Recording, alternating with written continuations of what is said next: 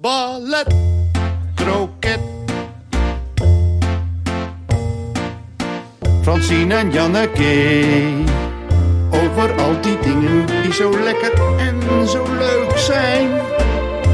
Ballet, kroket, culinaire zaligheden, culturele wetenswaardigheden en ook nog met live publiek erbij.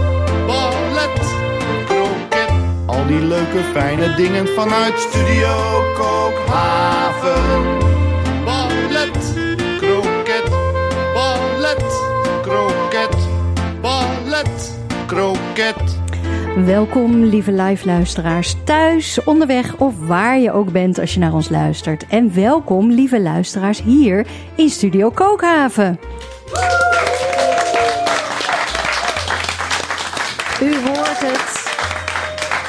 U hoort het Ballet Croquet wordt opgenomen voor een live studio publiek. En we zijn dan ook de enige podcast met live reacties. En die komen binnen via de Ballet Croquet app. En we hebben met het publiek al genoten van de Ballet Croquet Huisband. Onder de tweekoppige leiding van Arend Bouwmeester en Matthijs Groené. Ja, die geven ons altijd een privéconcert voordat de opname begint. Ja, Francine, eh, dit is hem, aflevering 13 van het eerste echte seizoen van Ballet Croquet. We gaan het hebben over dingen die het leven leuk en lekker maken, waarmee je het leven kunt vieren, versieren en verdiepen. Wij doen daar al 25 jaar onderzoek naar, Janneke. We kennen elkaar van ons werk op de redacties voor Kunststof en Mandjaren op Radio 1. En wat blijkt, al die onderwerpen kun je plaatsen op de lijn van ballet tot kroket. Janneke, waar zit jij vanavond op die lijn? Ja, ik zeg zelf gewoon een lekkere kroket. Maar er zijn mensen die vinden dat ik eh, een hele slechte, vieze kroket heb. Hmm, Ja. Oké, ik ben benieuwd. Ja. En jij, Francine? Ja, dit is een kroket. Ik Oh, denk als ik het straks vertel, dan heeft iedereen zeggen: ja, nee, dit is wel een kroket. En je kan er van allerlei mooie dingen over zeggen, maar het is gewoon een, een hele dikke, goede kroket. Nou, dan gaat het aan ons niet liggen, zeg ik. We beginnen in de keuken. Ja. Want daar staat Julian den Hertog, onze kok van de week. eh één van de koks van de week eh, van cateringbedrijf de Bake Street Boys. Jullie gaan straks iets voor ons maken, maar welk ingrediënt speelt vanavond de hoofdrol? Dat is best wel een goede vraag. Ik, eh, Dank. ik, ik, ik denk dat er één ingrediënt eh, zeker de hoofdrol voert. Dat, is, eh, dat is de rode en de gele biet. Ehm, maar ik denk dat er ook wel een hele belangrijke bijrol is weggelegd voor een bijzonder kaasje. Die heet de Latourkaas. Het is een van de weinige kazen die bestaat uit drie soorten kaas. Namelijk Oh, koe, schapen en geitenkaas. En eh, daar hebben we iets heel lekkers mee gemaakt. Ja, Francine, het is een eenvoudige vraag, maar eh, helemaal geen eenvoudig antwoord. hè? Nee, maar wel eentje waar je bij voorbaat al heel warm van wordt. Ja. Heel leuk. Zeker. En dan hebben we natuurlijk nog de gidsen van de avond. En gidsen, dat zijn mensen die voor ons het culinaire en culturele landschap helemaal afgrazen. En dan hier komen vertellen over wat zij daar deze week uit willen lichten. Helena Hilgerdenaar, onze gids met een grote liefde voor woorden en beelden. En hoe die twee met elkaar verbonden zijn. Wat wordt het vanavond? Ik heb een hele dikke pil meegenomen, 450 bladzijden. En daarin wordt het leven van Ischa Meijer beschreven. Oei. En die 450 bladzijden heb je ook wel echt nodig, want hij heeft voor drie geleefd. Oei. Ja, het is maar net genoeg eigenlijk. Ja, Oh, dus leuk. het is heel eh, ja, spannend en eh ontluisterend. Ik wou zeggen, komt er ontroerend of ontluisterend? ontluisterend. Oké, nou het is maar goed dat wij met kroketten komen zo direct van zien, want eh, het wordt heftig. En dan hebben we Yvonne Hoksbergen, eindredacteur van Kunststof op NPO Radio 1. Jouw interesses bestrijken het hele culturele veld, van popmuziek tot fotografie, van beeldende kunst tot theater. Ja, waar van dat hele grote veld gaan we vanavond met jou naartoe? Ja, we gaan ehm, naar een heel jong, leuk, sprankelend talent. Een jonge actrice, zij heet Kim Carson. En ik volg haar al een tijdje, eh, heb een aantal stukken van haar gezien. En eh, nou ja, die sluit je heel snel in je hart. Janneke Francine, het wordt een heerlijke aflevering. Dat kan niet anders. Met hoogte- en dieptepunten en eh, ja, ontluistering, ontroering, eh, ontnuchtering. Van alles gaan we meemaken. Maar we vergeten bijna dat dit een podcast is. En in podcasts vraagt altijd de een aan de ander... Hoe was je week?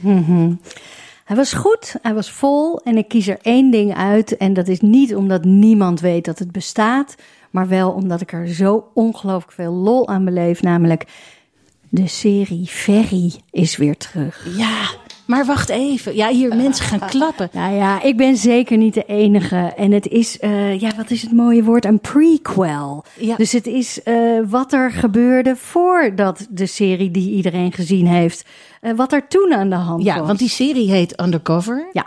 Daarvan zijn er een seizoen of drie, vier geweest. Drie seizoenen en nu zijn er acht afleveringen, 50 minuten per aflevering, waarin je Danielle en Ferry eh, ziet. eh, nou ja, eigenlijk wat je allemaal nog niet wist. En ja, ik dacht, wordt dat nou leuk? Want je, je weet dus hoe hun leven verder gaat. Dat geeft helemaal niks. Want je ziet ze met z'n tweeën en het is eigenlijk, want ik heb bedacht, waarom vind ik het nou zo ontzettend leuk? Het gaat over, eh, nou ja, een, een ecstasy eh, handelaar, eh, de- het opzetten van zo'n drugslab. Er zit best wel wat geweld in. Nou ja, op zich geen ingrediënten die eh, meteen eh, mijn aandacht eh, trekken. Maar hij speelt die rol van Ferry zo fenomenaal. Het is, ja, je zou kunnen denken, hij is het gewoon. En hij is... Hij is Frank Lammers. Ja. Frank Lammers. En het is dus die Brabantse gezelligheid. Het is dat platte. Het is die eh, ja, mateloze en grenzeloze liefde van zijn Danielle voor hem. Want het moment dat hij op een klusje uitgaat, zie je al, dit gaat mis. Het gaat mis. Hij hoeft maar drie keer de hoek om en ja, hij loopt in een val. Hij pakt het niet goed aan. Het is uiteindelijk eh, ja, is het gewoon eh, niet, niet de gedroomde eh, misdadiger. Maar wat dan zo mooi is, is dat hij iedere keer op een, ja, op, een, op een kinderlijke manier bijna aan haar uitlegt dat hij het voortaan anders gaat doen. Als het weer mislukt is. Oh. Ik ga het echt anders doen, Daan. Nee, echt, geloof me. En ja, als kijker ga je toch ook met haar mee en denk je, ja, je geeft hem nog een kans. Je ziet gewoon wat er met haar gebeurt. Het heeft iets dommigs, maar je trapt er eigenlijk met, eh, Met haar ogen in. in. Ja. En volgens mij voor allebei is dit een soort rol van hun leven. Want zij... Elise Schaap. Ja. Ja, eh, nou, zij doet, ik bedoel, zij doet niet alleen dit. En ook Frank Lammers doet veel meer. Eh, maar ze hebben wel het speelplezier. Je ziet gewoon dat dit is wel een van de snoepjes eh, waar ze mee bezig zijn. Tycho Gernand vind ik ook een geweldige rol spelen hier. Hij is eh, lid van een motorbende en kan eindelijk, nou ja, gewoon die lekkere slechterik spelen. Hij is zo goed gesminkt dat ik hem bijna niet herkende. Eh, dus ja, nou ja, ik, vind het, ik vond het heerlijk. Eh, er zit geweld in. Ik Ja. ben daar dus inderdaad niet per se een fan van. Dus soms doe ik wel mijn ogen dicht als er gemarteld wordt. Hè? Want het is, nou ja, in de drugsscene wordt gemarteld. Je hebt niet betaald of te weinig betaald. Of het lag op de verkeerde plek. ja. Eh, ja, dan Doen word je eens, meegenomen. een doek over je kop. En dan zit je ergens op een plekje en niemand die je ooit gaat vinden. Nou ja, daar heb ik dan even mijn, eh, mijn, ogen, mijn ogen dicht. Ja, ja, dat Ben je ik- bang eigenlijk voor geweld in Ja, eh, heel, series? heel. Ik kan dit helemaal niet aanzien. Ik kijk ook niet naar die serie. Je weet, ik kijk alle series die er ooit gemaakt zijn, die kijk ik van A tot Z. Maar deze niet, want ik, ik hou dan wel van Engelse krimis. En die kunnen ook af en toe wel een beetje, weet je, het wordt soms ook wel wat duister. Maar dan heb je altijd nog die barrière van die vreemde taal. En dat dit dan ja, in het Nederlands gebeurt. En, Ja, trouwens, ik zit ook met mijn handen in mijn oren Ja. bij die enge scènes. Ja, dus ja, dat ja. klopt wel. en martelen, dat is, dat, dat, is, dat, dat kan ik niet tegen. Nou ja, dat is de, de max. Ja, Ja. dus, eh, Wat zag jij? Ja, nou, ehm, over verhalen waarvan je al weet hoe ze gaan aflopen.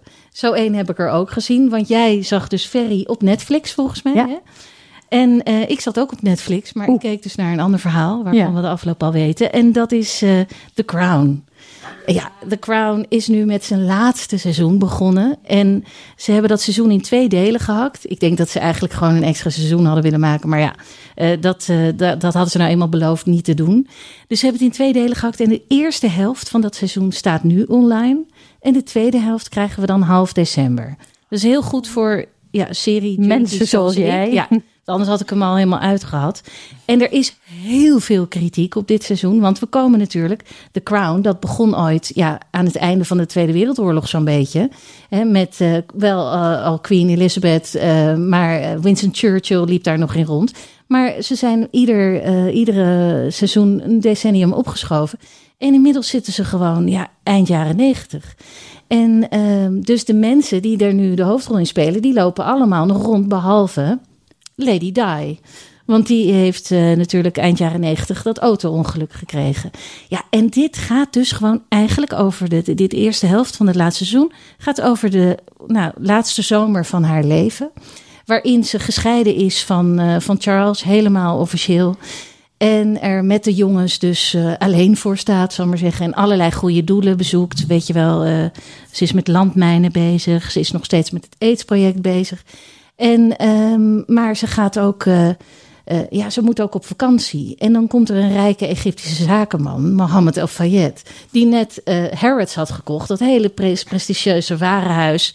En dacht, nou, daarmee ben ik toch wel een, een, een A-lijster in de, in de Engelse gemeenschap. Maar nee, hij hoort er nog steeds niet bij. En dan denkt hij, weet je wat, wat echt zou helpen als mijn zoon met prinses Diana aan de haal zou gaan. En hij probeert dat ja, te arrangeren. Te arrangeren. En kijk, dit zijn dan dingen die weten we wel zo ongeveer. Dat, dat zijn wel feiten. Ook wel dat Mohammed Fayed dat echt graag wilde. Maar uh, Lady Di en, en Dodie, die zoon, die kennen we eigenlijk alleen maar van alle foto's die er van hun zijn gemaakt. En, en ja, reportages. Maar um, daarvan wil ik gewoon even van jou weten. Wat was Diana voor jou voor een vrouw? Nou, ik, ja, ik was geen fan. Uh, ik vond haar altijd een beetje getormenteerd uh, kijken. Ja. het was allemaal heel zwaar. Uh, ja. ja, nou, ik had er gewoon niet zoveel mee. Nee, het was dat dat hoofd was zo'n beetje zo voorover gevallen. En dan had ze zo'n lok. En dan keek ze zo van onder die ogen, weet je wel, zo dat je ogen eigenlijk altijd een beetje boven in het bolletje staan. Ja. En dan zo de hele tijd maar zo, ja, als een soort uh, hoe noem je een kind wat een beetje zo staat? Nou ja, pa ja. pak jezelf bij elkaar, ga wat doen. Ja, meid, maak er wat van. Ja, en dan uh, las ik altijd hoe erg het was dat ze achtervolgd werd door de... En waarschijnlijk onderschat ik het hoe dat is als de paparazzi je echt achtervolgen. En wat voor invloed... Ik zie hier aan tafel en Yvonne Jullie en hebben Helena. toch ook naar David Heel... Beckham gekeken, hoe Ja, erg dat was? nee, nou, we hadden dus- geen idee. Nee. Nee, dus we Nee. kunnen maar beter niet te beroemd worden. Want uh, dat is gewoon allemaal heel, heel vreselijk. En als iedereen. En, en dus dat heb ik wel gevoeld, maar ik was niet heel erg uh, op Into. Diana. Nee, ik ook niet. nee, ik ook niet. nee. Maar in de, in de gemene best, in, de, in het eh, Verenigd Koninkrijk en al die andere landen, Canada, Australië, Nieuw-Zeeland, daar dwepen ze met haar. En nog steeds is zij een heel, heel groot en belangrijk iemand. En een soort ja, halve heilige. Dus als je daarvan gaat fantaseren over wat ze zeiden toen ze in die auto zaten, waar, waarvan wij de plaatjes alleen maar zien, weet je wel, voorbijrijdend. Ja, dan begeef je je op glad ijs. Want er zijn dan allerlei mensen die het natuurlijk niet eens zijn met wat jij denkt dat ze hebben gezegd. En dat zegt die maker ook, de makers van de serie. Ja, we wisten alles. Door de paparazzi zijn al hun bewegingen van die laatste zomer helemaal vastgelegd. Dus alle locaties, we konden er gewoon naartoe filmen, klaar. Maar uh, wat ze zeiden natuurlijk niet. Wat ze tegen elkaar zeiden. Wat die relatie van hun nou echt voorstelde. Ze zijn samen op de achterbank van hun auto met chauffeur om het leven gekomen. Er was misschien sprake van een prille relatie. Misschien was het niet meer dan een vluchtplek voor haar om maar bij die Dodi te zijn. Ja, dat, dat hebben de makers allemaal een beetje ingevuld. En um, ja, wat vinden jullie eigenlijk? Kan je een fictie maken over bestaande mensen? Yvonne, wat vind jij daarvan? Nou, ik denk altijd maar aan, aan die kleine jongetjes die toen achter die uh, stoet aanliepen. Hè? Die hadden gewoon uh, niks te zeggen. Nee. Die moesten helemaal mee. En je, nou, de- hen is nooit wat gevraagd natuurlijk. Nee, nee. Over is- alles wat er daarna is verschenen. De biografie en de... Want volgens mij was dat na haar dood, de, Ja. de biografie. Ehm, nee, ik, dat vind ik eigenlijk gewoon veel te ver gaan. Maar eh, de hele serie ging dan in dat opzicht te ver. Want over Elizabeth eh, hè, zijn Ja, natuurlijk ja. al die andere afleveringen gemaakt terwijl ze nog leefde. ja. Ehm, maar Ja. die reageerde nooit ergens op. Hè? Dus eh, als, alsof dat een vrijbrief is om dan maar te mogen doen. ja, Elizabeth lijkt wat dat betreft op onze Beatrix toch echt Ja. wel een soort masker. Autonoom, een soort een, ja. een figuur dat lichamelijk wel overal aanwezig is, maar ja, waarvan je geestelijk helemaal, daar hoef je helemaal niet te gaan kijken wat er aan de binnenkant eh, gebeurt. En eh, ja, zo zagen zij echt de kroon, hè? een soort functie slash leven, Ja. dat valt samen. En er is nog een privépersoon. En, eh, Ja, daar weet er is een privépersoon en dan wappert het haar ineens wel, weet je wel. In Ja. plaats van dat het helemaal Ja. zo vastgefeund zit. Maar moeten we kijken? Ja, ik zou het zeker doen. Want ik vind zelf die mensen allemaal leuker geworden door de Crown. Ik snap nu meer van, er gebeurt wel iets. En eh, kijk, op zich moet ik er wel even bij zeggen, dat is een statement wat ik hier even in Ballet Croquet wil doen. Dat ik om humanitaire redenen tegen het Koningshuis ben. Want dat kan natuurlijk volstrekt niet. Dit wordt een heel lang verhaal. Ja. Heel zielig. Dat is totaal zielig. Ik bedoel, zo'n Charles is er niet beter uitgekomen. En nu die twee jongens, ja. Eh, En dat ze zijn amusement voor eh, heel veel mensen. Ze zijn mannen. eh, ja, ze zijn amusement. En er staat een meute staat te huilen om de dood van hun moeder. Maar dat is trouwens wel een mooi zinnetje. In de, in, want je ziet die jongens ook lopen in die stoet. En er staan dus, nou weet ik veel, honderden, duizenden mensen te huilen langs de kant. En, en, en met een roos in hun hand en een tekening. En dan vraagt de, volgens mij Harry vraagt aan Philip, weet je wel, die oude man. eh, waarom huilen ze om iemand die ze nooit gekend hebben, namelijk mijn moeder? En dan zegt eh, Philip, ze huilen niet om je moeder, ze huilen om jou. Ja, dat vond ik dan wel weer eh, best wel. Dat is dus niet echt gezegd. Dat, is, dat weten we helemaal niet. Dus best wel vergaand. Maar ook wel weer mooi. Maar goed, waarom we een familie in een gouden kooi zetten en er met z'n allen naar gaan staan kijken. Ja, is ja, ja. natuurlijk Nee, maar nu ga je ze helemaal kapot maken. Dus Ja. eh, we gaan nu door. Ja, de revolutie, mensen, de revolutie. Wat komt nu? Wat komt nu?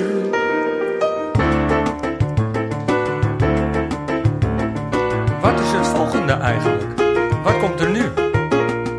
Wat komt nu? Wat komt nu? Beer Oldenhof zit aan tafel. Een van de andere Bake Street Boys. eh, de koks van de avond. Eh, ja, de Bake Street Boys, dat is dus een cateringbedrijf wat jullie zijn begonnen. Maar niet zomaar je run-of-the-mill cateringbedrijf. Hoe is dit allemaal begonnen? Dit is ongeveer vier jaar geleden begonnen in het studentenhuis van, eh, van Willem en ik. En ehm, ja, het begon eigenlijk allemaal tijdens COVID, toen we erachter kwamen dat vrienden van ons allemaal diners hadden. ehm, waar in principe geen eten voor was. En ze wisten dat wij enthousiaste thuiskoks waren. En toen eh, is er aan ons gevraagd of wij het leuk vonden om voor een kerstdiner van hele goede vrienden van ons te koken. En eigenlijk is daaruit onze uit de hand gelopen hobby ontstaan. Maar hadden jullie dan nog iets van stress van kunnen we dit wel waarmaken? Of was het eh, een en al bravoure? Ja, absoluut. Nu was het zeg maar echt voor de... De game was on, als het ware. Ja, Ehm, en de, de, de spanning en nervositeit is er altijd nog steeds. Zoals nu. Dit is ons podcastdebuut. ja nou, het is een glorieus debuut zover. Dus eh, Een milestone die we nooit hadden verwacht, maar Nee. toch zijn we hier.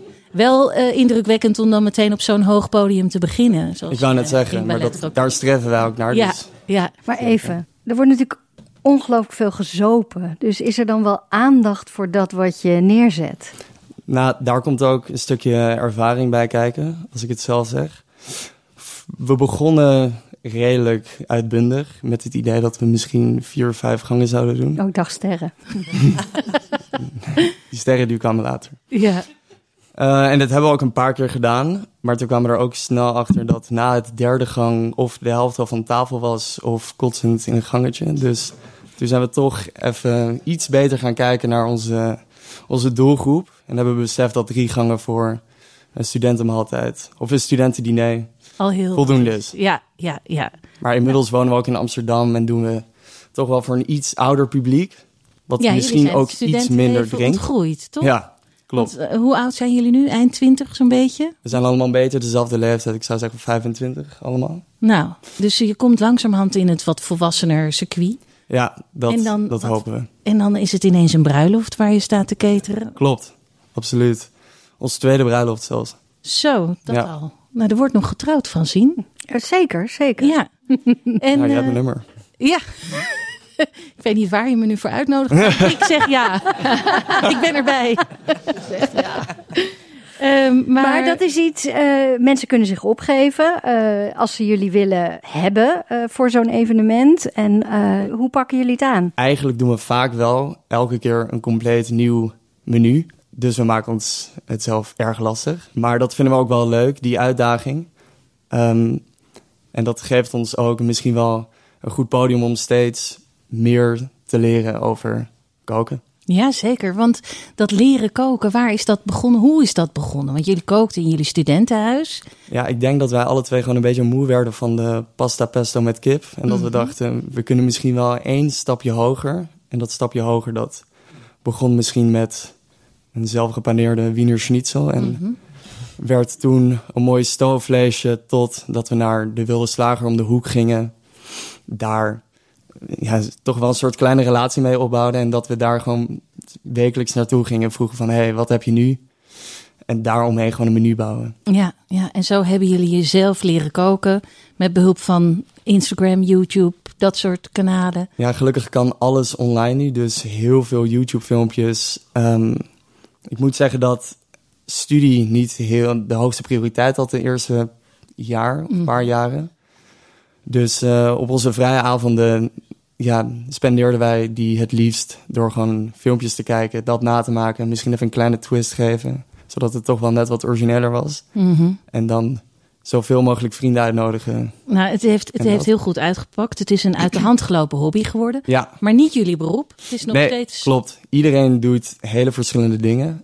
Maar dit is een beetje onze manier om toch weer terug te komen bij elkaar. Ehm, om ja, toch iets lekkers neer te zetten voor andere mensen. En we blijven het heel leuk vinden. We zijn ook wel nog een beetje zoekende van... ja, wat is nu de volgende stap? Gaan we dit zo houden? Willen we het misschien toch doorgeven aan de jongere generatie? Ja, de jongere generatie. Als ik dat, dan is- mag zeggen. Ja, maar dat wordt nu tijd. Je bent 25. Precies. Eh, denk eens even aan de jongere generatie. Nou, wij moeten het eerste Giving back to the community. ja. maar ehm, ja, we horen al, er wordt, er wordt, er zijn, ik zie spuitzakken, ik hoor apparaten zoomen, er wordt met bordjes gegoocheld. De, er komt straks iets heel spectaculairs en dat gaan we dan van Willem horen. Absoluut. eh, als hij het eh, straks komt eh, brengen aan tafel. Dankjewel. Ballet, kroket, ballet, kroket, ballet. We gaan naar onze eerste gids van de avond, Helena Hilgerdenaar. Je houdt van theater, literatuur, boeken. Je bent niet voor niets ook boekentherapeut. En vanavond gaat het over een roemruchte interviewer.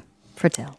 Ja, Isra Meijer, voor wie hem toch niet kent. Hij was eh, schrijver en journalist, maar vooral ook interviewer. Hè, voor, eh, voor de kranten, voor bladen, Vrij Nederland, Parool vroeger, radio en televisie. En eh, hij speelde ook in het theater. Hij heeft daarin ge, ja, hij heeft voor geschreven, hij heeft gespeeld, hij heeft zelfs gedanst. Ja, eh, ballet hè? ballet. eh, onder Hans van Manen Hans of zo, van ja. Nou, toevallig heb ik die voorstelling gezien. Je moet je daar niet al te veel Ah. eh, voorstellen. Maar hij deed dat samen met Jenny Arian, een van zijn vele vriendinnen. En zij was natuurlijk fantastisch. Dus dat was nog wel oké. Mhm. Maar goed, die carrière van hem was heel breed. Ehm, ja, in dit boek, Alles gaat op vroeger terug, beschrijft ze Annette mooi het ongelooflijke gecompliceerde eh dubbelleven, of je kan eigenlijk wel zeggen drie dubbelleven, wat hij heeft geleid. Hij was echt een fenomeen. Hij had enorme humor, hij was slim, nieuwsgierig, heel gek. met Ontregelend. plannen, eh, ontregelend, heel gul en dan weer niets en dan weer... Maar hij was dus ook heel onbetrouwbaar, grillig, keihard, eh, egocentrisch. Nou, ga nog maar even door. En ja, je komt heel veel over hem te weten door dit boek. Eh, maar ja, als je hem niet kent, denk ik, ja, we moeten eigenlijk eerst even naar hem luisteren. Eh, want ja, onder de 30 kennen ze hem al niet meer. Nee. Want hij is natuurlijk al echt al, ja, hij is in 93 overleden. Nee, 95. Hoe, hoe, lang, hoe lang? Nou, bijna 30 ja, jaar. Dus. Nooit live gaan rekenen. maar Nee, dat nooit laten 23 rekenen. plus vijf. 28 jaar.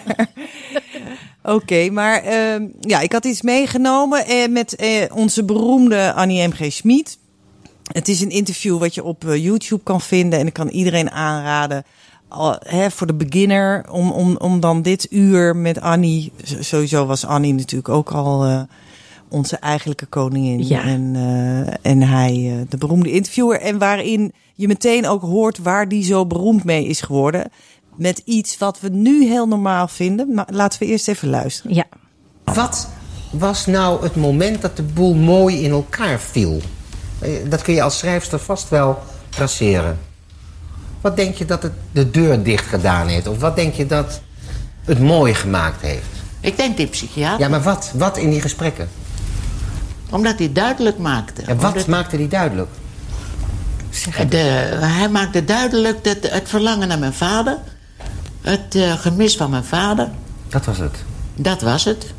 Mijn vaderbinding, of hoe noem je dat? In ieder geval het verlangen om, om eh, mijn vader te leren kennen. En dat heeft hij me op een of andere manier duidelijk gemaakt. Ontroert- Zonder iets te zeggen hoor. Ontroert, is het nou, eh, ontroert die vader je nog? Nog altijd. Wat is het ontroeren aan die man? Maar ik had weinig contact met hem, want mijn moeder domineerde alles. Dus die verbood ook het contact tussen mijn vader en mij. Het was een verboden vrucht. Jeetje. Een verboden, Je vader als verboden vrucht. Het was ook meteen... Ja, nou ja, zo is dit boek ook geschreven. Want Annette Mooi is zelf ook eh, psycholoog. Dus het is echt, het, het beschrijft echt het geval Ischa Meijer. En ja, dat deed hij zelf ook. Hij, hij ging altijd meteen, wat is je vader, wie is je vader, wie is je moeder, waar kom je vandaan? En daar is hij, denk ik, het beroemd mee geworden. En dat psychologiserende interview, dat vinden we nu allemaal heel normaal. En dat doet iedereen overal in, in, in FIFA. Oh, die bestaat niet meer. Eh, Jan, eh, ik weet niet. eh, op de radio, op de televisie. Eigenlijk vragen mensen bijna niks anders meer. Maar hij is daarmee begonnen. Dat is heel, is heel erg ongebruikelijk. Dus en hij en Bibeb, toch? ja, een bibeb, maar zo echt heel erg diepgravend op de man af, zoals je net al meteen Ja. hoort. En eh, ja, Echt recht op de pijn af. recht ook, op de pijn Ja. af. Ja, en hij heeft zelf natuurlijk ook jarenlang in analyse gezeten. Maar laat ik even niet te ver op de dingen vooruit Mhm. lopen. Eh, het eerste deel van het boek eh, vond ik echt weergaloos. Dat is de beschrijving van zijn dramatische jeugd. Want hij wordt dan geboren in 43. Eh, en zijn ouders en hij worden al heel snel eh, naar Westerbork gestuurd. En vervolgens naar Bergen-Belsen. Nou ja, en hij is dan een baby. En de omstandigheden zijn eind van de oorlog, nou ja, die zijn natuurlijk verschrikkelijk in dat kamp. En uiteindelijk, als ze worden bevrijd, zitten ze ook nog heel lang in een trein die ergens in een soort niemandsland, waar gewoon iedereen om hun heen ongeveer is gestorven. Dus er, is, er zijn verschrikkelijke dingen gebeurd. Dus eigenlijk weer dat hele verhaal opnieuw, maar dan vanuit het gezin Meijer is ongelooflijk om weer te beleven. Ook hoe zij terugkomen in Amsterdam, hoe ze ontvangen worden, hoe, hoe, hoe vreselijk het is dat iedereen weg is van hun families. Maar goed, dat, dat, dat doet ze waanzinnig goed. En nou ja, ze pakken de draad op, zijn zwaar getraumatiseerd, die ouders. Krijgen nog twee andere kinderen, zijn er dan drie kinderen. En in het begin is het allemaal. Nou, die vader is geschiedenisleraar, die neemt vaak Ischa mee eh, op wandelingen, die vertelt hem heel veel. En die, die leert hem ook dat nieuwsgierigheid heel belangrijk is en goede vragen stellen heel belangrijk. Dus dat is wel heel mooi eh, wat zeg maar, terugkomt in zijn hele leven. Ja. Maar ehm, die twee mensen zijn zo getraumatiseerd dat uiteindelijk, en vooral Ischa is daar de dupe van, dat zij hun kinderen alleen maar kleineren en vernederen. En eh, wij hebben het allerergste meegemaakt, dus jij moet sowieso altijd je mond houden. En eh, nou ja, wat erin staat, wat hem allemaal voor de voeten wordt gehol- eh, gegooid, dat is eigenlijk bijna te gruwelijk om hardop te zeggen. Mhm. En wat, wat zeg maar zijn hele leven meegaat, is dan dat die moeder ook helemaal de lijn van de vader kiest. Ja, ja, ja. Dus er is geen ontkomen aan. Er is gewoon geen ontkomen aan. En eh, uiteindelijk, eh, nou ja, Ischa is de grootste rebel en is al vanaf zijn eh, ja, 17e, 18e het huis uit. Maar de, al, alle drie de kinderen Meijer, als ze het huis eenmaal uit zijn, zullen hun ouders nooit meer zien. Dus ze broeieren alle drie. En die ouders hebben zelfs, daar zijn ook weer brieven van die allemaal onthutsend zijn. eh, hebben ook op een gegeven moment gewoon gedaan alsof ze geen kinderen hadden. Jee. Ja, dus het is echt een bizarre familiegeschiedenis. Dus Ja. dat is zeg maar een, een groot begindeel van het boek. En dat vind ik waanzinnig goed. En nou goed, ik kan niet het hele boek navertellen. Nee, maar... maar- wat een ander heel belangrijk element in dit boek is, zijn de vrouwen. En dat is een, ja, dat is toch wel de helft van het boek gaat over eh, hoe dol hij was op vrouwen. Zij noemt hem een dwangmatige veroveraar. Mhm. En eh, nou ja, hoe dat dan gaat, dat is ook weer zalig om te lezen. Hoe hij dan elke keer zo'n vrouw eh, verovert. Dat zijn Namelijk. enorme charme-offensieven. Waar alle mannen nog iets van kunnen leren. dat is eh, ja, gewoon helemaal in de watten leggen. Meesleuren naar Parijs. Cadeautjes, attenties, briefjes. Je bent de aller, aller, aller, aller, aller, allerliefste, leukste vrouw van de wereld. Oh. En nu ben ik eindelijk gelukkig. Nou, hij pakt ze in met boter en suiker, zeggen we dan. En eh na ongeveer een jaar, anderhalf jaar, Dan is worden ze voorbij. keihard gedumpt. Maar werkelijk, dat boek, je, nou ja, het is gewoon niet te geloven. Je denkt, het is niet waar. Het zijn dus allemaal volwassen vrouwen, vaak met kinderen en een man. Die gaan allemaal weg bij die, bij die man en Oh, die kinderen. jee. Die gaan met hem samenwonen. Geven hun leven op. Het zijn al best wel vrouwen uit de journalistiek, Slimme kunstenaressen. En ze laten zich gewoon helemaal. eh, ja, en dan vervolgens begint hij ze ook te vernederen. En al dat gedrag wat hij gezien heeft als kind. gaat richting die vrouwen. Nou, Ja. ja, hij, hij is echt wel een beetje van zijn voetstuk gevallen. En ik denk daarmee ook meteen van ja, biografieën moet je ze eigenlijk wel lezen. Zeker eh, van je eigen helden. Ja. Het, is, is echt, het is echt. Ja, want dit weet niet iedereen. Maar als je, als je radio maakt, als je interviewen leuk vindt, als je, hè, als je dat wil, zoals wat wij eigenlijk allemaal ons werk is. Maar als je dat doet, dan is Ischa Meijer is een hele grote. Ja, dat is, dat is een enorme held. En ik zie hem toch vooral. En ook wat ik dan hoor in zo'n interview met Annie. denk ik, oh, wat is hij slim. Wat is hij grappig. Wat goed. Wat vraagt hij goed door. En Maar weet je, Helena, er zijn ook. Annie heeft ook een heel verhaal en die heeft ook een moeilijke vader en die kan lekker leveren. Maar als hij dan iemand kreeg, gewoon een hele brave borst, een burgemeester van een klein provincieplaatje Ja. of zoiets, dan maakte die zo'n man kapot. ja, En dan had je het idee, waarom doe je dit, Ischa? Dit is helemaal niet... Toch, Yvonne, het was Klein heel erg... ja. Nee, dus wat dat betreft wisten we het ook al wel. Ja. Natuurlijk allemaal. Maar als je het dan toch zo allemaal achter elkaar leest. Hij zegt op een gegeven moment... vrouwen en vrienden waren voor hem als kippenkluifjes. Hij, hij, hij beet ze, ah, kloof ze af en gooide ze in de, in de rhododendron. Ja, dat is wel ook wel, soms ook wel verdrietig bijna. Dat ik denk, juist door zo'n beeld, dat vergeet je gewoon niet meer. Nee, nee, nee. En hij moet natuurlijk ook... Waarom wilden ze allemaal met hem zijn? Hij moet ook heel leuk zijn Nou, geweest. Francine, ik wil dat van jou weten. Snap je iets van die charme van Nou, heel erg. Ik hoor dit interview, dat pesterige. Ik heb hem ook wel eens ontmoet. En dat pesterige, wat hij meteen uit de kast haalde als hij, eh, al was het maar drie minuten sprak. Ik bedoel, ik heb niks verlaten eh, voor Ischa en eh, zover zijn we nooit gekomen. Ehm, maar ja, ik snap wel die charme. Ik bedoel, hij zag er niet uit, maar hij had een soort totale overgave in dat moment. Hij sprak met jou, hij ging jou het gevoel geven dat je heel bijzonder... eh, ja, hij was gewoon heel intens. Ja, ja. Maar je leest dat boek nu ook met de ogen van nu. We hebben het natuurlijk nu zo over toxische mannelijkheid. En, eh, ja, bedoel, Grensoverschrijding. weet je, Grensoverschrijding. Dat had Nou, hij was het allemaal. kunnen heten. Ja. En het is bizar. Hij zit gewoon met al zijn vrienden in de kroeg. En er worden baby's geboren van hem. En hij gaat er niet eens naartoe. En, maar het is natuurlijk ook een tijdsbeeld. Ik bedoel, eh, er stond ook geen vader. Tenminste, ik ken ze niet die, in die periode op het schoolplein... om de Nee. kinderen op te halen smiddags. Die, die waren er niet. Maar goed, hij, ma- hij maakt het heel bond. En eh Annette Mooi heeft ook wel een beetje erg het licht daarop geschenen. Dat is natuurlijk wel, eh, ik bedoel, een hagiografie, eh, iemand alleen maar bewonderen is niks. Maar dit is wel heel erg de donkere kant van Isra Meijer. Ja, het is een beetje dubbel misschien, maar ik zou aan de andere kant toch ook wel aanraden om hem te lezen. Het is wel heel erg goed geschreven en inzichtelijk en ook een mooi tijdsbeeld. Ja. Hey, nog één vraag, want iedereen weet dat hij eh, op het laatst natuurlijk met eh, Connie Palme was. Was zij dan een uitzondering eh, in hoe hij deze geliefde be- behandelde? Nee, het is iets heel geks gebeurd. Maar Connie Palmer komt er eigenlijk amper in voor in dit boek. Dus de, de biografe heeft daar wel iets laten liggen. Zij heeft gedacht, er is al zoveel geschreven door Connie Palmer zelf. En gezegd, en series en films. Ehm, dat laat ik liggen. Maar ja, dat kan natuurlijk niet als je volledig wil zijn. Maar zij beweert dat Connie eigenlijk te veel eer van dat had dat dan. De, het was gewoon de laatste relatie. En dan blijft het altijd de enige die niet kapot is gegaan. Ja, maar ja, ja, ja. ha- zij beweert toch. eh, het was gewoon een van de vele en het was op dezelfde manier kapot gegaan. Dus eh, Connie is denk ik niet heel blij met dit boek. Nee, dat snap ik ook wel weer. Ja, want hij is heel plotseling eh, dood neergevallen eigenlijk. Ja, hè? hartaanval. eh, 62 jaar volgens mij zoiets. Nee joh, 52. 52. Ja, ja, het was echt. eh, en hij was helemaal op. Ja.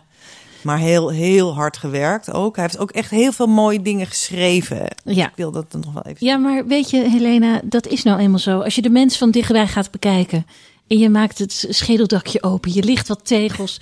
Ja, dan wordt het er allemaal niet mooier van. Dat Nee. is nou eenmaal zo. We zijn allemaal maar gemankeerde wezens. En we doen zoveel dingen fout. De een Zeg nog even de titel. ander. Zeg nog even de titel. Eh, het boek heet Alles gaat op vroeger terug. Nou, dat gaat er natuurlijk over dat, dat die lijn met zijn ouders eh, door, doorging zijn hele leven lang. Eh, Alles gaat op vroeger terug eh, door Annette Mooi.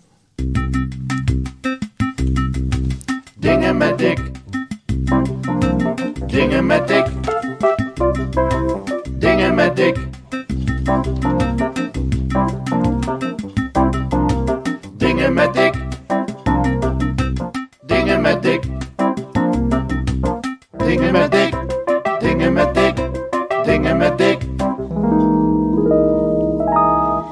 Ja, Dick Verweda is weer aangeschoven en eh, dat betekent reclame, want Ballet Croquet is een onafhankelijke podcast en wordt mede mogelijk gemaakt door de sponsoring van een paar fantastische merken, Dick. En ik ben zo blij dat je er deze week gewoon weer zelf bij bent, want als Francine en ik die kar alleen moeten trekken, dan vallen alle pompoenen dat, eraf. dat, is, dat is niet niks, hè? Ja, nee, en dan, eh, dan En het- verkopen we niks. Het was ook een zegentocht, hoor, de afgelopen twee weken. Oh ja? Het was een enorme zegentocht. Het was van Valencia tot, tot de kookhaven. Eén grote zegentocht, vooral voor de Hermit Gin. Hermit Hè, Gin, waar we de eerste mensen merk. ook weer eh, mee verwelkomd hebben. Mhm. Het is weer de glimlach die eh 99% op de gezichten was. Ik, ik durf bijna te zeggen 100%.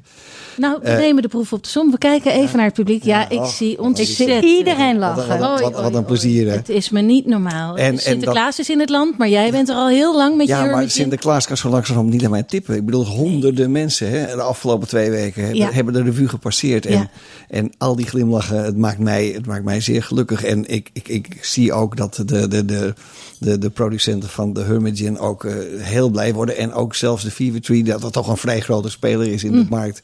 Ook eh, de glimlach. Ja, begint te vertonen. Ja. De Fever Tree, daar noem je ons tweede mooie merk. Mhm. Die hebben dus eh, tonic en allerlei andere drankjes. Maar dan hebben ze die hele speciale Mediterranean tonic. Mediterranean tonic voor de perfect serve van de Hermit Gin en Tonic. Ja. En die wordt, wordt hier gepresenteerd met een schijfje grapefruit als symbool voor de ondergaande zon. Mhm. En de zeekraal, als je daarop bijt, ben je weer terug in de zee. Ja, het is de kringloop van het leven en alles Ja, wat ertussen ja, zit. ja, en, en- dat vervat in een gin en tonic. Ja. Je kan zien, ik ken jou als een enthousiasteling als het gaat om doorzichtige drankjes. Ja, eerlijk gezegd is dit de lekkerste. De lekkerste gin meest fris, in ja. combinatie met deze tonic.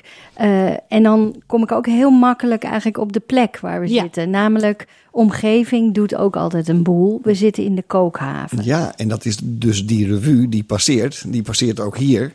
En de mensen hier worden dus ontvangen als er een partijtje geboekt wordt in deze locatie. Ja.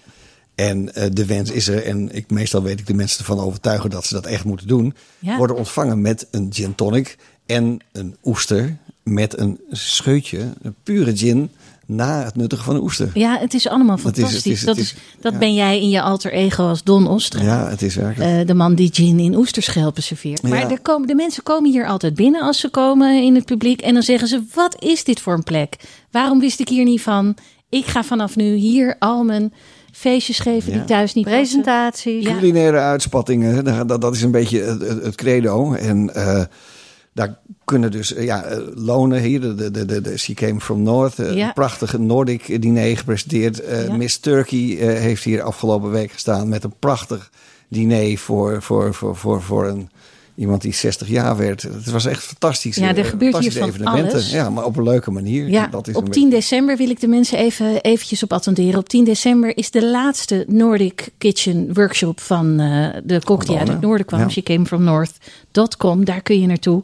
Je kan ook op Instagram kijken bij She Came From North om je daarvoor op te geven. En nu toch allerlei adressen en namen aan noemen ben, ga ik er gewoon even mee door. Ja. Kookhaven.nl voor iedereen die een feestje wil geven of een andere leuk evenement wil houden. Culinair uitspattend en alles. Oesters, het kan alle kanten op. Doe, doe alles maar. Donostra.nl voor die oesterman. Gal en Gal, de, gewoon de winkel Gal en Gal. Daar kun je naartoe. Daar kun je en die- vergeet vooral Fever Tree niet, hè? want Nee. mensen zijn belangrijk voor ons. Hè? Want als we die, die tonic, en dan moeten we er ook die gin, eh, de, gin moeten we ook die tonic bij serveren. En Precies, dat die gin die kun je dus kopen bij Gal en. Gal. Fever Tree Tonic kun je daar ook kopen. Kun je ook nog wel op andere plekken krijgen. In de betere horeca hebben ze ook Hermit Gin. Ik Nou, maak nog, regelmatig mee. Vraag erom. Vraag erom. Ja, sterker nog, inderdaad. om- in alle mooie zaken van. hè, De, de, de, de ambitie van Hermit is toch altijd. Overal waar de, eh, de, de, de zee het land kust, daar moet Hermit Gin staan. En dat is zo langzamerhand al redelijk eh, aan het gebeuren. Nou, wilt u ook adverteren in Ballet Croquet? Stuur dan een mail naar alles@balletcroquet.nl. Dingen met dik, dingen met dik, Yvonne Hoksbergen, onze tweede gids van de avond. Jouw culture- culturele blikveld is erg wijd en daar houden we van. Vanavond zoomen we met jou in op een persoon. En je noemde het aan het begin al even, dat is een jonge actrice. Of in ieder geval, voor mij een hele nieuwe naam. Is ze ook jong? Ze is van 96, dus dan ben je 27 jaar, 27 lentes. Eh, jonge actrice, ze heet Kim Carson, met dubbel S. Komt uit Haarlem, heeft eh, in Maastricht de performanceopleiding gedaan. Was er jong bij en heeft al eh, een carrière, zes jaar. eh, speelt ze alle seizoenen in diverse producties. Ehm, ze heeft bijvoorbeeld voor de Warme Winkel samenwerkingen aangegaan. Ze speelt met Florian Meijer, een acteur wat ook zo'n enorm talent is en al erg opvallend is in de, in de pers genoemd. Ze hebben samen Bloomsbury gespeeld, over de Bloomsbury Group. Ze hebben Mephisto Park gespeeld, Oorlog en Vrede. Hebben ze gewoon een lekkere Russische Een lekkere dikke Rus. eh, drama, groot drama. En, dat, eh, en dat vertalen ze dan samen naar een hele mooie, simpele vorm. Ehm, ze hebben gespeeld in het stuk Man, Man, Man. Eh, drie keer met dubbel N, want het gaat over de kinderen van het genie Thomas Mann. Ah. Het literaire genie, die nogal wat schaduw met zich meebracht. Dus als je daar kind van was, dan had je het niet best. Dan had Ischa Meijer een lekkere kluif aan je. Precies. Ja. En dat, dat is bij hun een extreem eh, geval eh, in de hele familie. Er waren zes kinderen, maar dit stuk gaat over de drie kinderen. Eh, eh, allemaal even getalenteerd, maar kreeg geen, absoluut geen ruimte of erkenning van de grote vader die daarboven hing. Dus die hebben allemaal zeer dramatische levens geleid. Zij speelde in die productie Erika Man, en een totaal losgeslagen type. Ehm, waar je ook meteen van gaat houden. In, in, alle, ehm, nou ja, in alle extremen. Ehm, dat zijn de stukken die ze, die ze samen... Kortom, echt al een heel leuk oeuvre voor iemand Ja, die nog ja. maar zo jong is. En heel erg gebaseerd op oude eh, verhalen, op literatuur. En wat, waar, waar mijn winkel ook wel bekend om is. Dat ze, dat ze oude klassiek, dat ze de klassiekers pakken en daar iets, totaal iets anders mee doen. Maar de, zij is ook al zover dat ze solo-stukken schrijft en speelt. Ehm, en daar, eh, daar doet ze nog even een schepje bovenop. Dus eh, je moet je voorstellen, het, eh, ze is zo speedy als het zusje van Jochem Meijer. Ehm, ze, ze, ze heeft een enorm gevoel voor ongemak. Een beetje Birgit Kaandorp, maar dan net even nog weer verder gaan in alles. En dat maakt haar zo leuk. Ze heeft haar debuut gemaakt op de Parade, het festival afgelopen zomer. Ehm, eh, haar stuk heet Don't Let It Rain on My Parade. En dan is Parade ehm, het laatste deel in het Nederlands, namelijk Reet. R-E-E-T. Ze staat op de poster in een. eh, we zien haar rug. We zien haar achterkant op een, barkruk. Ze heeft een heel kek eh, knalrood Adidas pakje aan. En haar eh, bevallige achterpartij, haar billen zijn bloot op het barkrukje eh, gezeten. Eh, zit ze niet mee. Lekker expliciet dan. Ja, lekker expliciet. Ja. En dat stuk, Ik dat snap gaat... Brigitte Kaandorp, maar dan net een stapje Nou, is net een stukje Ja. verder. Ja. Ja. die houdt toch het onder, ondergoed wel aan. Die hield het ondergoed altijd wel aan. Deze, dit verhaal, dit stuk van haar, daar doet ze iets bijzonders. Ze, ze neemt de, eh, de, de stand-up comedian vorm, eh, gebruikt ze als vorm. Dus je denkt dat je naar een stand-up comedy show staat te kijken. Alleen dit verschil is, het is helemaal uitgeschreven. Ze speelt die stand-up. Ze speelt dat ze al Ze speelt dat ze improviseert. Ehm, daar heeft ze een jingle-apparaatje bij met de meest afschuwelijke jingletjes. En dat, dat slaat allemaal dood. Weet je, dat is de hele tijd haar verhaal. Mhm. Een grap moet het liefst doodslaan en dan het publiek in verwarring brengen. Nou, dan ben je op de parade op het goede adres, want daar, eh, daar houden de mensen best wel van experiment. Maar met haar, zeker in Amsterdam, met Zuidas publiek, was dat toch best eh, bijna een dingetje. Ja. Want wat gebeurde er? Nou, eh, het ongemak werd zodanig gevoeld dat het lachen bijna niet Ze meer dachten, gebeurde. Dat, ze dachten dat ze naar een slechte stand-up comedian aan het Precies, want daar speelt ze ook mee. Ja. Van, oh nee, die grap gaat ook al mis. Maar, Ja. hè, dus je gaat haar bijna zielig vinden dat die voorstelling aan het mislukken is. Ja. Want het verhaal is, gaat over al- al haar ongemakken eh, aangaande daten.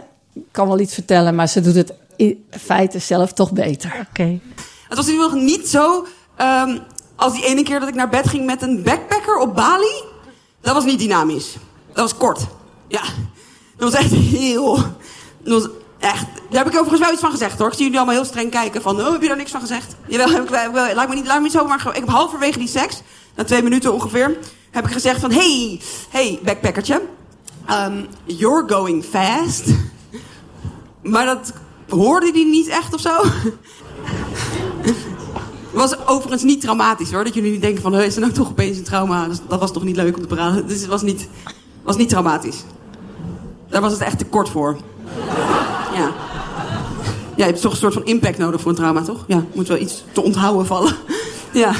Eh, oh, en het is trouwens ook niet zo, even voor de zekerheid. Het is ook niet zo dat ik niet van seks hou. Dat jullie dat straks denken van, oh, wat doet ze ingewikkeld over seks? Ze houdt zeker niet van seks. Ik hou heel erg, ik vind seks heel leuk. Ik denk, en sowieso trouwens, eh, niet doen alsof vrouwen niet van seks houden.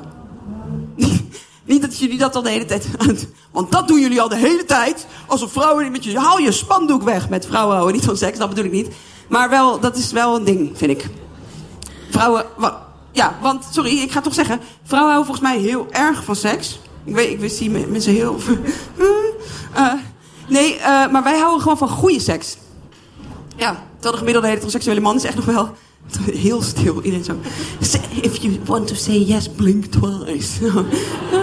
Gerard zit naast me, dus ik kan even niet ja knikken. Ja, weet je wel. Nee, maar eh, nee. Maar het heeft denk ik ook gewoon een praktische oorsprong hoor. Dus het is ook niet per se dat ik jullie wil bashen of zo. Maar ehm, wat volgens mij, wat ik denk ook gewoon door komt sommige mensen helemaal zenuwachtig worden omdat ze een man zijn. Ehm, ja, eh, maar eh, nee, het is praktisch gezien denk ik ook gewoon omdat slechte seks voor mannen is volgens mij een beetje alsof je ehm, op iemand masturbeert. Is, ik, weet, ik weet niet, denk ik. Met zo van, oh, ik moet ook nog een ingewikkeld gesprek met iemand die ik niet zo interessant vind hebben. Oh, multitasken. Ehm, en eh, slechte seks voor vrouwen, dat is volgens mij toch meer, ja, uit eigen ervaring, alsof iemand ehm, op jou masturbeert. In jou, eigenlijk gewoon. Terwijl je iets leuks wou doen. Ja. Of gewoon druk had. Ja. Dus het wordt steeds stiller. Ehm, nee, ik ga nu ophouden. Het is ook helemaal niet grappig. Het is namelijk de waarheid. Eh, ja. Ja, het ongemak zit er wel goed in, hè? Zoiets dus. Ja, dit is... Maar het is best knap, want we zien haar niet. En het komt nu al over. Je voelt, ja, je krijgt het zelf ook een beetje warm. Ja, Wat een leuke tip. Wat als mensen nou eens iets van haar willen gaan zien, wanneer kunnen ze? Ja, dan moeten we nog wel even geduld hebben. Ze heeft net een hele mooie tour gehad met een stuk Schreudingers hond. Is ook weer geweldig. Ze speelt solo met een klein eh teletextprintertje. Eh, wat er vroeger ooit bestond. Een soort kassa-apparaatje waar de hele tijd kassabonnen uitkwamen. En daar staan boodschappen op. En de apparaat praat met haar. Dat is een persoon, hij heet Herman. En, maar ja, in haar fantasie kan ongeveer alles. Ja. Dus ook zware... eh, Zware kosten. Kwantummechanica, Ja, hoppa. En dat verbindt ze moeiteloos. kom maar eh, door. moeiteloos Ja. aan, eh, aan, aan hoe de menselijke geest werkt. En soms ook niet zo best werkt. Mhm. En daar is ze heel erg open in. Ja. Dus ik, we gaan heel veel meer van haar verwachten. Haar volgende stuk gaat 5 fe- april pas in première. En dat gaat over datende clowns. Eh, veel slapstick belooft ze, veel verdwijntrucs. eh, maar eh, alle ongemakken van het leven gaan voorbij komen. Dus dan zullen, er zal ongetwijfeld heel veel aandacht voor haar komen. En eh, de, de the- theaterrecensenten staan al heel dik achter haar. Dus ze vinden haar echt volstrekt authentiek. Een eh, schaamteloos stuiterbal. En eh, haar grootste compliment kreeg ze volgens mij in de NRC... dat haar stukken net niet af zijn. En dat was haar compliment, want daar is haar grote streven. Het mag niet af zijn. Nee, maar wij gaan natuurlijk gewoon af op jou, hè? Ja, Ik bedoel, die theaterrecensent, fijn dat ze het leuk vonden. Maar hier in Ballet Croquet heb jij gezegd, hou haar in de gaten. Prachtige ontwikkeling en we verwachten heel veel meer van haar. Ai. Wie is de kok? Laat mij eens spreken met de chef. Ai. Waar is de kok gebleven, chef? Ai. Waar ben je nu? Laat mij eens spreken met de chef. Ai. Wie is de kok? Ai. wie is de kok? Ai. Ja, eh, de kok, de derde kok die we hier aan tafel ontvangen van de Bake Street Boys is Willem Horsman. Komt geen thee aan te pas, mensen. en eh, met hem is ja, werkelijk een prachtig bordje op tafel getoverd. Eh, ik zie een witte, romige basis. Ik zie een, eh, ja, we weten er liggen twee bieten op, maar ik zou ze niet meteen zo identificeren. Niets ten nadele van de bietengemeenschap. Ehm, wat, wat zien we hier precies, Willem? Nou, zoals Julian eh, al zei, eh, het hoofdingrediënt is inderdaad rode biet. Dat is iets waar wij veel mee koken. Eh, ik vind het zelf ook persoonlijk erg lekker. Ehm, en dit is eigenlijk een variant op een gerecht wat wij dus voor ons grote diner, ons evenement, eh, hebben wij dit toen als eh, een van de gangen gemaakt. Een kleine aanpassing eraan. Je hebt hier op de bodem heb je inderdaad dus die latourkaas eh, crème. Ehm, en daarbovenop rode biet, die gepoft is in zijn eigen schil. En daarna met wat balsamico en honing is die verder geroost in de oven. Eh, daarbij hebben we ook eh, een beurre gemaakt. Ehm, en die beurre hebben we een klein beetje limoen aan toegevoegd. Om een beetje dat vet uit te balanceren met een beetje zuur. Ehm, zuur is ook iets wat ook in onze keuken altijd terugkomt. Ons logo is een citroen. We hebben altijd, als we een diner hebben... eh, en ja, het maakt niet uit wat we maken. Er gaan altijd vijf citroenen in de tas. Ehm, ja, ik weet het ook niet hoe dat ooit is gekomen. Het was waarschijnlijk een keertje bij een diner van... we hebben een citroen nodig. En dat is elk diner eh, eigenlijk wel teruggekomen. Gaan ze mee? Ja. Ja, en eh, daarbij zit nog een, eh, een doeka van pistache, karwijzaad en komijnzaad. Wat een mooie elementen allemaal. Die beurnoiset. Vertel de mensen nog even, hoe maak je dat ook alweer? Het is eigenlijk heel simpel. Het is gewoon het smelten van de boter in de pan. En dan na een tijdje dan begint hij een beetje een nou ja, hazelnootachtige geur te krijgen. En dan wordt hij ook een beetje donker.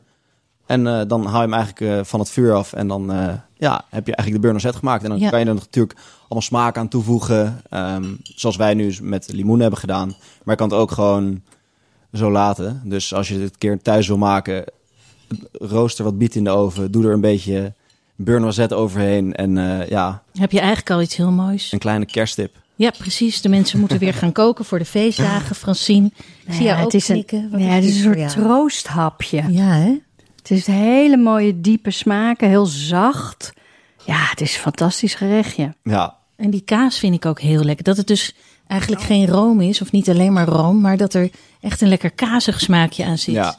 Helena, ik zie jou Mm, ook. ik eh, zit echt, echt te smullen. Ja. Ongelooflijk. Dit is een dikke vette dus tip. zeker met kerst worden. maken. Ja. Ik zal de- Ik zal het recept zo meteen even doen. Oh, daar zijn we heel blij mee. De kok van vorige week heeft ook haar recept gegeven. Dus we gaan deze week twee mooie recepten eh, delen.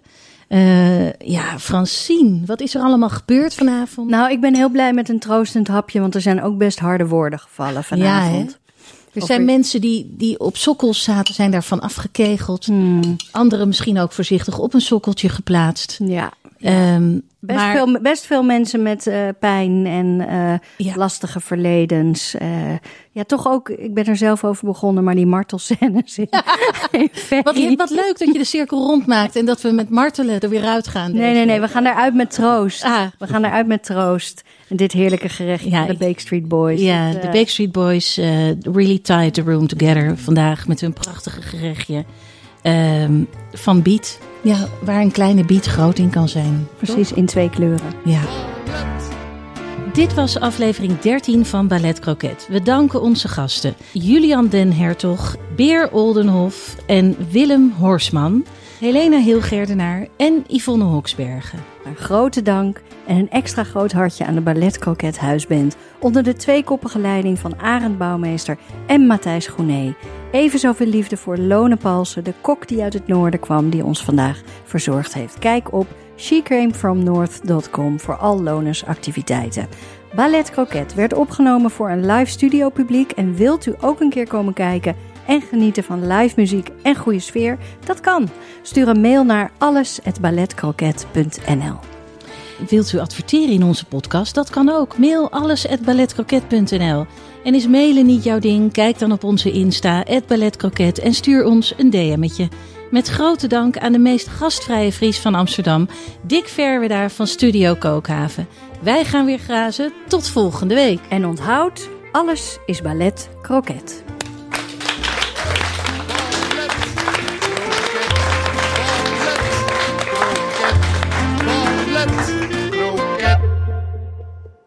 Zo, nu een kroket.